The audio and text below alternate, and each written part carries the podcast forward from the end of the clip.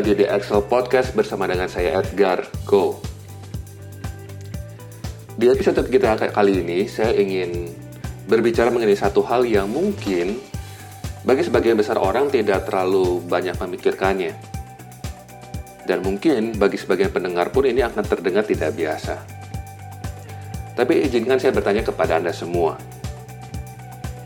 Menurut Anda, adakah sisi spiritual di tempat kerja Spiritual yang saya maksud di sini bukan dalam artian spiritualitas seperti agama, religi, dan sebagainya. Tetapi ini berbicara tentang sesuatu yang memiliki makna yang mendalam. Spiritualitas di tempat kerja berbicara tentang sejauh mana kita memiliki rasa kebermaknaan yang mendalam, adanya sebuah koneksi yang terjadi antar diri sendiri dengan pekerjaan di mana kita bekerja. Sehingga bekerja bukan lagi hanya sekedar bekerja, tetapi ada sebuah makna yang lebih tinggi dari sekedar bekerja. Mungkin Anda bertanya, lalu apa pentingnya hal ini? Apa pentingnya saya memahami tentang spiritualitas di dalam tempat kerja? Kalau Anda bertanya seperti itu, I'm glad you asked. Dari studi ditemukan bahwa tingkat spiritualitas di dalam tempat kerja memberikan dampak yang sangat signifikan terhadap banyaknya aspek di dalam sebuah organisasi. Ini mempengaruhi performa sebuah organisasi. Ini mempengaruhi engagement terhadap pekerjaan. Dan juga mempengaruhi komitmen kerja dan kepuasan kerja secara menyeluruh. Ada orang-orang yang bekerja hanya demi bisa bertahan hidup. Ada juga orang yang bekerja hanya karena tuntutan dari keluarga. Ada juga yang bekerja agar dapat menikmati hidup, bisa beli ini, bisa beli itu, pergi berlibur dan sebagainya. Tidak ada yang salah dengan itu semua, tetapi orang-orang seperti ini tidak akan memiliki tingkat kontribusi dan kepuasan kerja yang sama dibandingkan dengan orang-orang yang bekerja dengan sebuah keyakinan, dengan sebuah kebermaknaan yang mendalam terhadap visi dan value yang dimiliki perusahaan di mana mereka bekerja. Dengan kata lain, visi dan value yang dibangun di dalam organisasi adalah dasar sisi spiritualitas dari organisasi Anda. Itulah mengapa sangat penting memikirkan baik-baik dan menyusun dengan cermat apa yang menjadi visi dan value perusahaan Anda. Karena ini akan menjadi dasar dalam tanda petik pesan spiritual yang diusung oleh organisasi Anda. Ini akan menjadi suatu hal yang selalu diperbincangkan di dalam organisasi Anda. Ini akan menjadi satu hal yang diperjuangkan di dalam organisasi Anda. Ini akan menjadi satu hal yang menjadi panduan di dalam berperilaku. Dan ini akan menjadi satu hal yang menjadi barometer apakah organisasi Anda bisa dikatakan sudah sukses atau belum.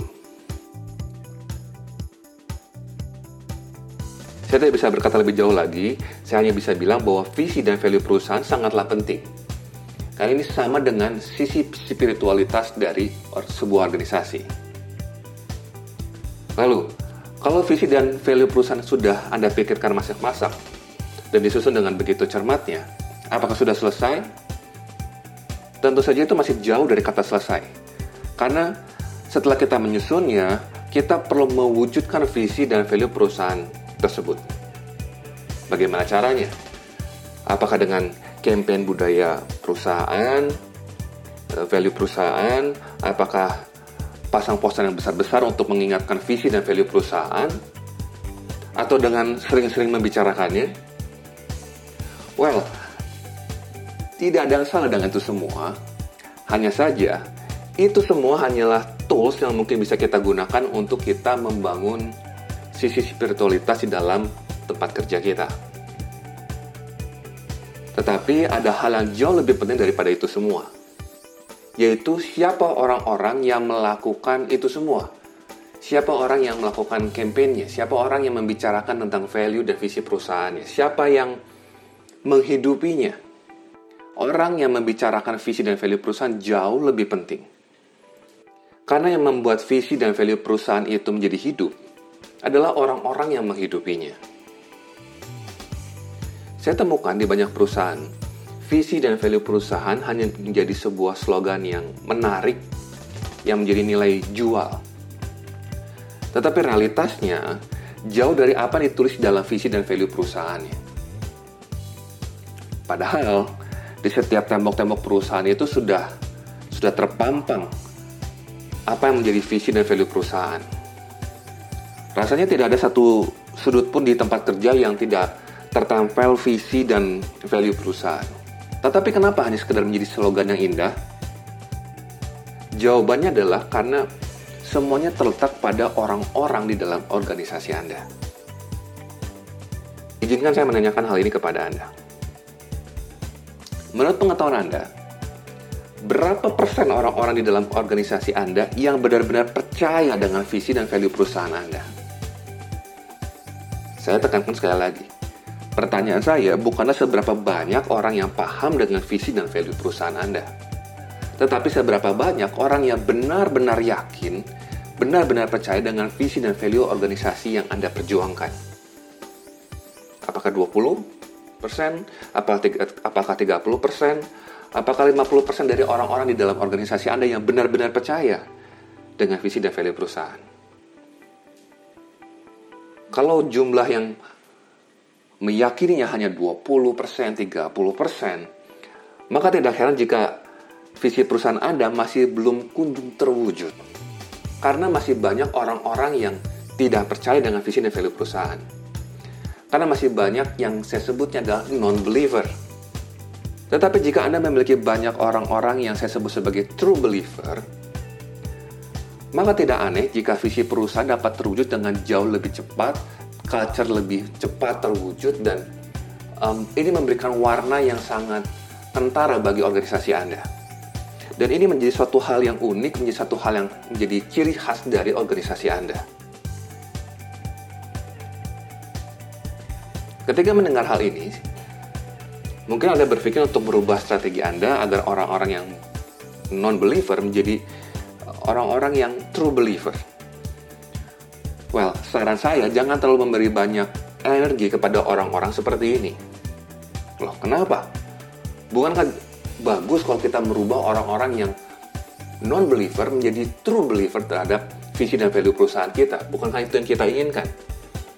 Nah, lalu, lalu kenapa? Ini ibarat seperti seorang muda yang sedang merasakan indahnya cinta di kala pacaran. Ketika mereka mulai menyadari adanya sikap-sikap negatif di dalam diri pasangannya, maka mereka mulai berpikir, ah, nanti saya akan berusaha mengubah hal-hal negatif dari pasangan saya ini.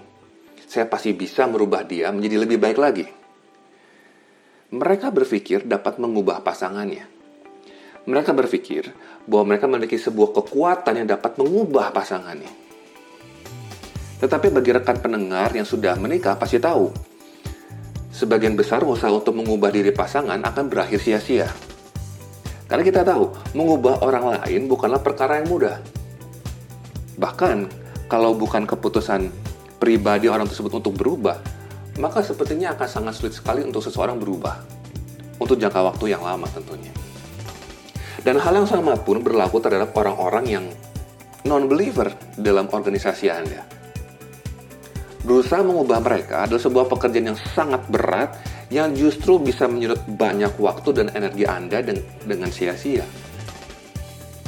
Jadi daripada Anda menghabiskan banyak waktu untuk mereka, maka lebih baik Anda fokus kepada orang-orang yang memang benar-benar believe atau true believer di dalam organisasi Anda agar Anda tidak kehilangan mereka yang mau sama-sama memperjuangkan hal yang benar-benar Anda yakini menjadi sebuah uh, hal yang penting, value, visi dari perusahaan Anda.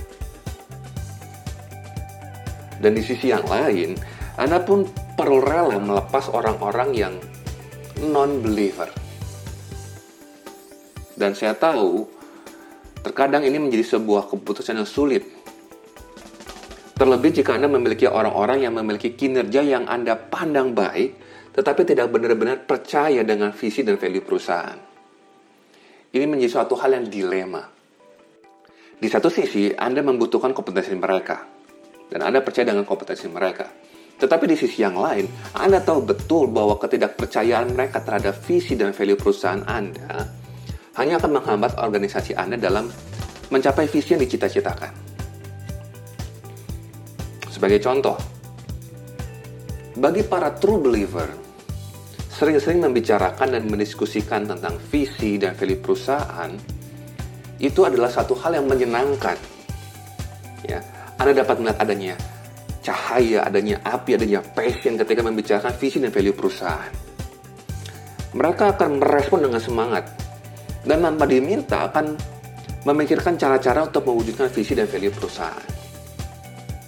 Tetapi jika Anda berbicara pada non-believer, ketika Anda berbicara untuk kesekian kalinya membicarakan visi dan value perusahaan yang diulang-ulang, maka Anda akan mendapatkan respon yang berbeda.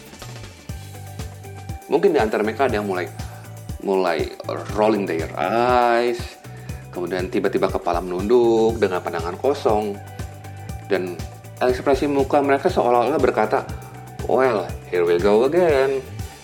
Mereka bosan membicarakan hal yang sama terus-menerus. Kenapa? Kenapa mereka bosan? Karena buat mereka itu bukanlah hal yang benar-benar penting. Mereka tidak merasa related dengan apa yang sedang dibicarakan. Nah sekarang, bayangkan jika Anda menyatukan dua orang ini dalam sebuah meeting. Ada orang-orang yang true believer, dan ada juga orang-orang non-believer. Dan bayangkan, jumlah non-believernya jauh lebih banyak daripada true believernya. Dapatkah Anda bayangkan apa yang akan terjadi? Ketika Anda membicarakan visi dan value perusahaan untuk kesekian kalinya, kira-kira akan seperti apa suasana meeting Anda? Saya yakin Anda dapat mendebaknya. Aura dari para non-believer akan menarik turun atau drag down aura orang-orang yang menjadi true believer. Dan inilah yang menjadi permasalahannya akan menjadi berbeda ceritanya jika di tim Anda terdapat lebih banyak true believer dibandingkan non-believer. Jumlah true believer yang lebih banyak akan menjadi uh, atau akan memberi peer pressure kepada para non-believer. Hasilnya, di antara non-believer itu akan Anda temui orang-orang yang menyeberang menjadi true believer pada akhirnya. Atau mereka yang non-believer ini akan mulai merasa tidak nyaman, merasa tidak uh, berada di tempat yang tidak mereka semestinya berada dan dengan sendirinya mereka akan keluar dari organisasi Anda. Dan kalau sampai ini terjadi, maka Anda perlu merelakan mereka. Sekalipun mereka adalah orang-orang yang Anda pandang memiliki kompetensi yang sangat baik dan sangat Anda butuhkan di dalam organisasi Anda. Dan kalau Anda berpikir bahwa, wah tapi ini bukan keputusan yang mudah nih saya tahu ini bukanlah keputusan yang mudah.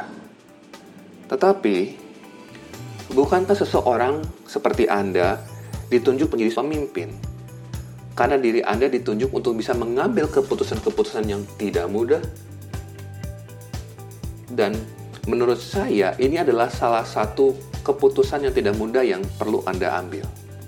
Anda harus memutuskan siapa yang harus ada di kapal Anda dan siapa yang tidak. Karena Bayangkan jika di dalam sebuah kru kapal, ya, di, kalau bayangkan Anda menjadi sebuah kapten kapal dan Anda memiliki kru kapal yang di mana sebagian orang mengayuh ke utara dan sebagian lainnya mengayuh, mengayuh ke selatan. Yang terjadi adalah kapal Anda tidak akan pergi ke mana-mana karena saling tarik-menarik dan akan stay di tempat. Dan bayangkan pula jika sebagian orang mengayuh ke utara dan sebagian lagi mengayuh ke arah barat. Apa yang akan terjadi? Yang terjadi adalah kapal Anda akan bergerak, tetapi menuju ke arah yang tidak Anda inginkan. Dan kalau ini sampai terjadi, maka Anda akan merasa frustrasi dan merasa gagal sebagai pemimpin. Dan permasalahannya bukan karena Anda adalah pemimpin yang buruk, tetapi karena Anda gagal menentukan siapa saja yang harus stay di dalam kapal Anda dan siapa yang harus keluar. Oleh karena itulah judul kita, judul podcast kita hari ini adalah Seeking True Believer Mencari true believer dalam organisasi Anda sangatlah penting. Anda harus memetakan orang-orang yang Anda miliki. Anda harus tahu seberapa banyak true believer di dalam organisasi Anda, dan Anda harus memastikan jumlah true believer Anda lebih banyak dibandingkan non-believer Anda. Jika terlalu banyak non-believer, maka Anda perlu melakukan sesuatu agar lebih banyak true believer dalam organisasi Anda. Salah satunya yang perlu Anda perhatikan supaya lebih banyak true believer dalam organisasi Anda adalah di dalam proses rekrutmen perusahaan Anda. Di dalam dunia rekrutmen ada sebuah perkataan yang sering dipegang oleh para pemimpin. Sebuah prinsip yang singkat saja. Yang dikatakan, if you want to hire someone, hire slow, but fire fast. Yang artinya adalah jika kita ingin mempekerjakan orang baru ke dalam organisasi, maka lebih baik kita jangan terburu-buru untuk merekrut orang baru. Kita perlu menjadi seorang perekrut yang selektif. Kenapa? Karena Anda ingin mendapatkan orang yang benar-benar bukan yang sekedar kompeten dalam bekerja, tetapi Anda mencari orang yang kompeten dan juga selaras dengan visi dan value perusahaan Anda. Dan yang namanya mencari orang yang selaras dengan visi dan value perusahaan itu bukanlah perkara yang mudah. Terlebih untuk orang-orang di posisi-posisi yang penting, seperti di posisi manajerial. Anda bisa saja menggunakan jasa headhunter untuk mendapatkan orang-orang dengan kompetensi yang baik untuk di posisi-posisi manajerial. Tetapi, Anda tidak bisa menyerahkan begitu saja kepada headhunter persoalan apakah orang ini selaras dengan visi dan value perusahaan Anda atau tidak. Headhunter dapat membantu Anda untuk mengasisi kompetensi, tetapi Anda yang memiliki tanggung jawab untuk menilai apakah orang ini bisa selaras dengan visi dan value perusahaan Anda you have to be the judge. Kenapa? Karena orang-orang di level manajerial memiliki influence yang sangat besar. Mereka memiliki pengaruh yang sangat besar. Kalau Anda sampai salah memilih mereka, maka ini akan mempengaruhi banyak orang di dalam organisasi Anda. Ini akan mempengaruhi warna di dalam organisasi Anda. Lalu kalau sampai salah bagaimana? Kalau sampai salah, kalau Anda sudah sudah berusaha memilih yang terbaik, Anda sudah menseleksi sebegitu baik, dan Anda pikir ini adalah orang yang selaras dengan visi dan value perusahaan Anda. Tetapi ketika waktu berjalan Anda menemukan, oh ternyata ini bukan orang yang tepat. Ini orang ini tidak selaras dengan visi dan value perusahaan saya. Dan fire fast. Jangan tunda-tunda untuk memberhentikan mereka. Karena seperti yang Anda tahu, apel yang busuk akan segera membuat apel-apel di sekitarnya yang masih baik menjadi busuk pula. Kalau Anda menaruh orang yang tidak selaras dengan visi dan misi perusahaan Anda, visi dan value perusahaan Anda. Anda biarkan begitu saja. Jangan kaget jika nanti banyak orang yang akan tertarik oleh mereka dan mungkin saja yang awalnya true believer justru akan menjadi non-believer. Jadi jangan biarkan mereka menjadi non-believer yang akhirnya akan mengganggu para true believer di dalam organisasi Anda. Dan kalau Anda bertanya apakah ini hanya berlaku di level manajerial saja, jawabannya adalah tidak ini pun berlaku untuk orang-orang yang Anda rekrut di level staff. Karena ingat, one day orang-orang yang berada di level staff pun dapat naik di posisi manajerial. Jika dari awal Anda sudah memilih bibit yang salah, maka jangan berharap one day dia akan berubah di tengah jalan. Karena seperti ini, jika dasarnya seseorang adalah batu berlian, maka sekalipun batu berlian ini jatuh di lumpur yang kotor, maka batu, ber, batu berlian ini tetaplah batu berlian. Dan jika dasarnya seseorang ini adalah batu akik, maka mau digosok, mau dipoles seperti apa pun, hasilnya tetap sama, yaitu batu akik juga. Saya harap penjelasan saya tadi membuat Anda lebih paham ya tentang pentingnya mencari true believer di dalam organisasi Anda, karena ini mempengaruhi sisi spiritualitas di dalam tempat kerja Anda. Bayangkan jika di dalam tim Anda Anda memiliki orang-orang yang saya sebut true believer. Katakanlah mayoritas orang-orang di dalam tim Anda adalah true believer. Maka dengan sendirinya mereka akan menunjukkan loyalitas, mereka menunjukkan uh, excellency dalam apa pun yang mereka lakukan. Mereka akan memberi lebih dalam setiap pekerjaan mereka. Kenapa? Karena mereka percaya, bukan uh, mereka percaya dengan apa yang diperjuangkan oleh organisasi Anda. Tapi jika terlalu banyak non-believer di dalam organisasi Anda, maka culture yang terbangun hanya adalah bahwa ini hanya bekerja saja, bahwa apa yang dikerjakan hanyalah sekedar bekerja. Bekerja hanya untuk mendapatkan uang.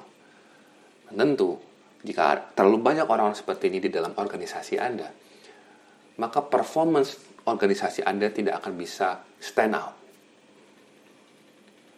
Saya harap ini memberikan perspektif baru kepada Anda semua, dan jika Anda ingin berdiskusi lebih jauh tentang hal ini, silahkan DM saya di Instagram di @edgargo. Edgar G O U W. Terima kasih sudah mendengarkan podcast kita kali ini. Semoga bermanfaat dan sampai berjumpa di podcast-podcast kita yang berikutnya.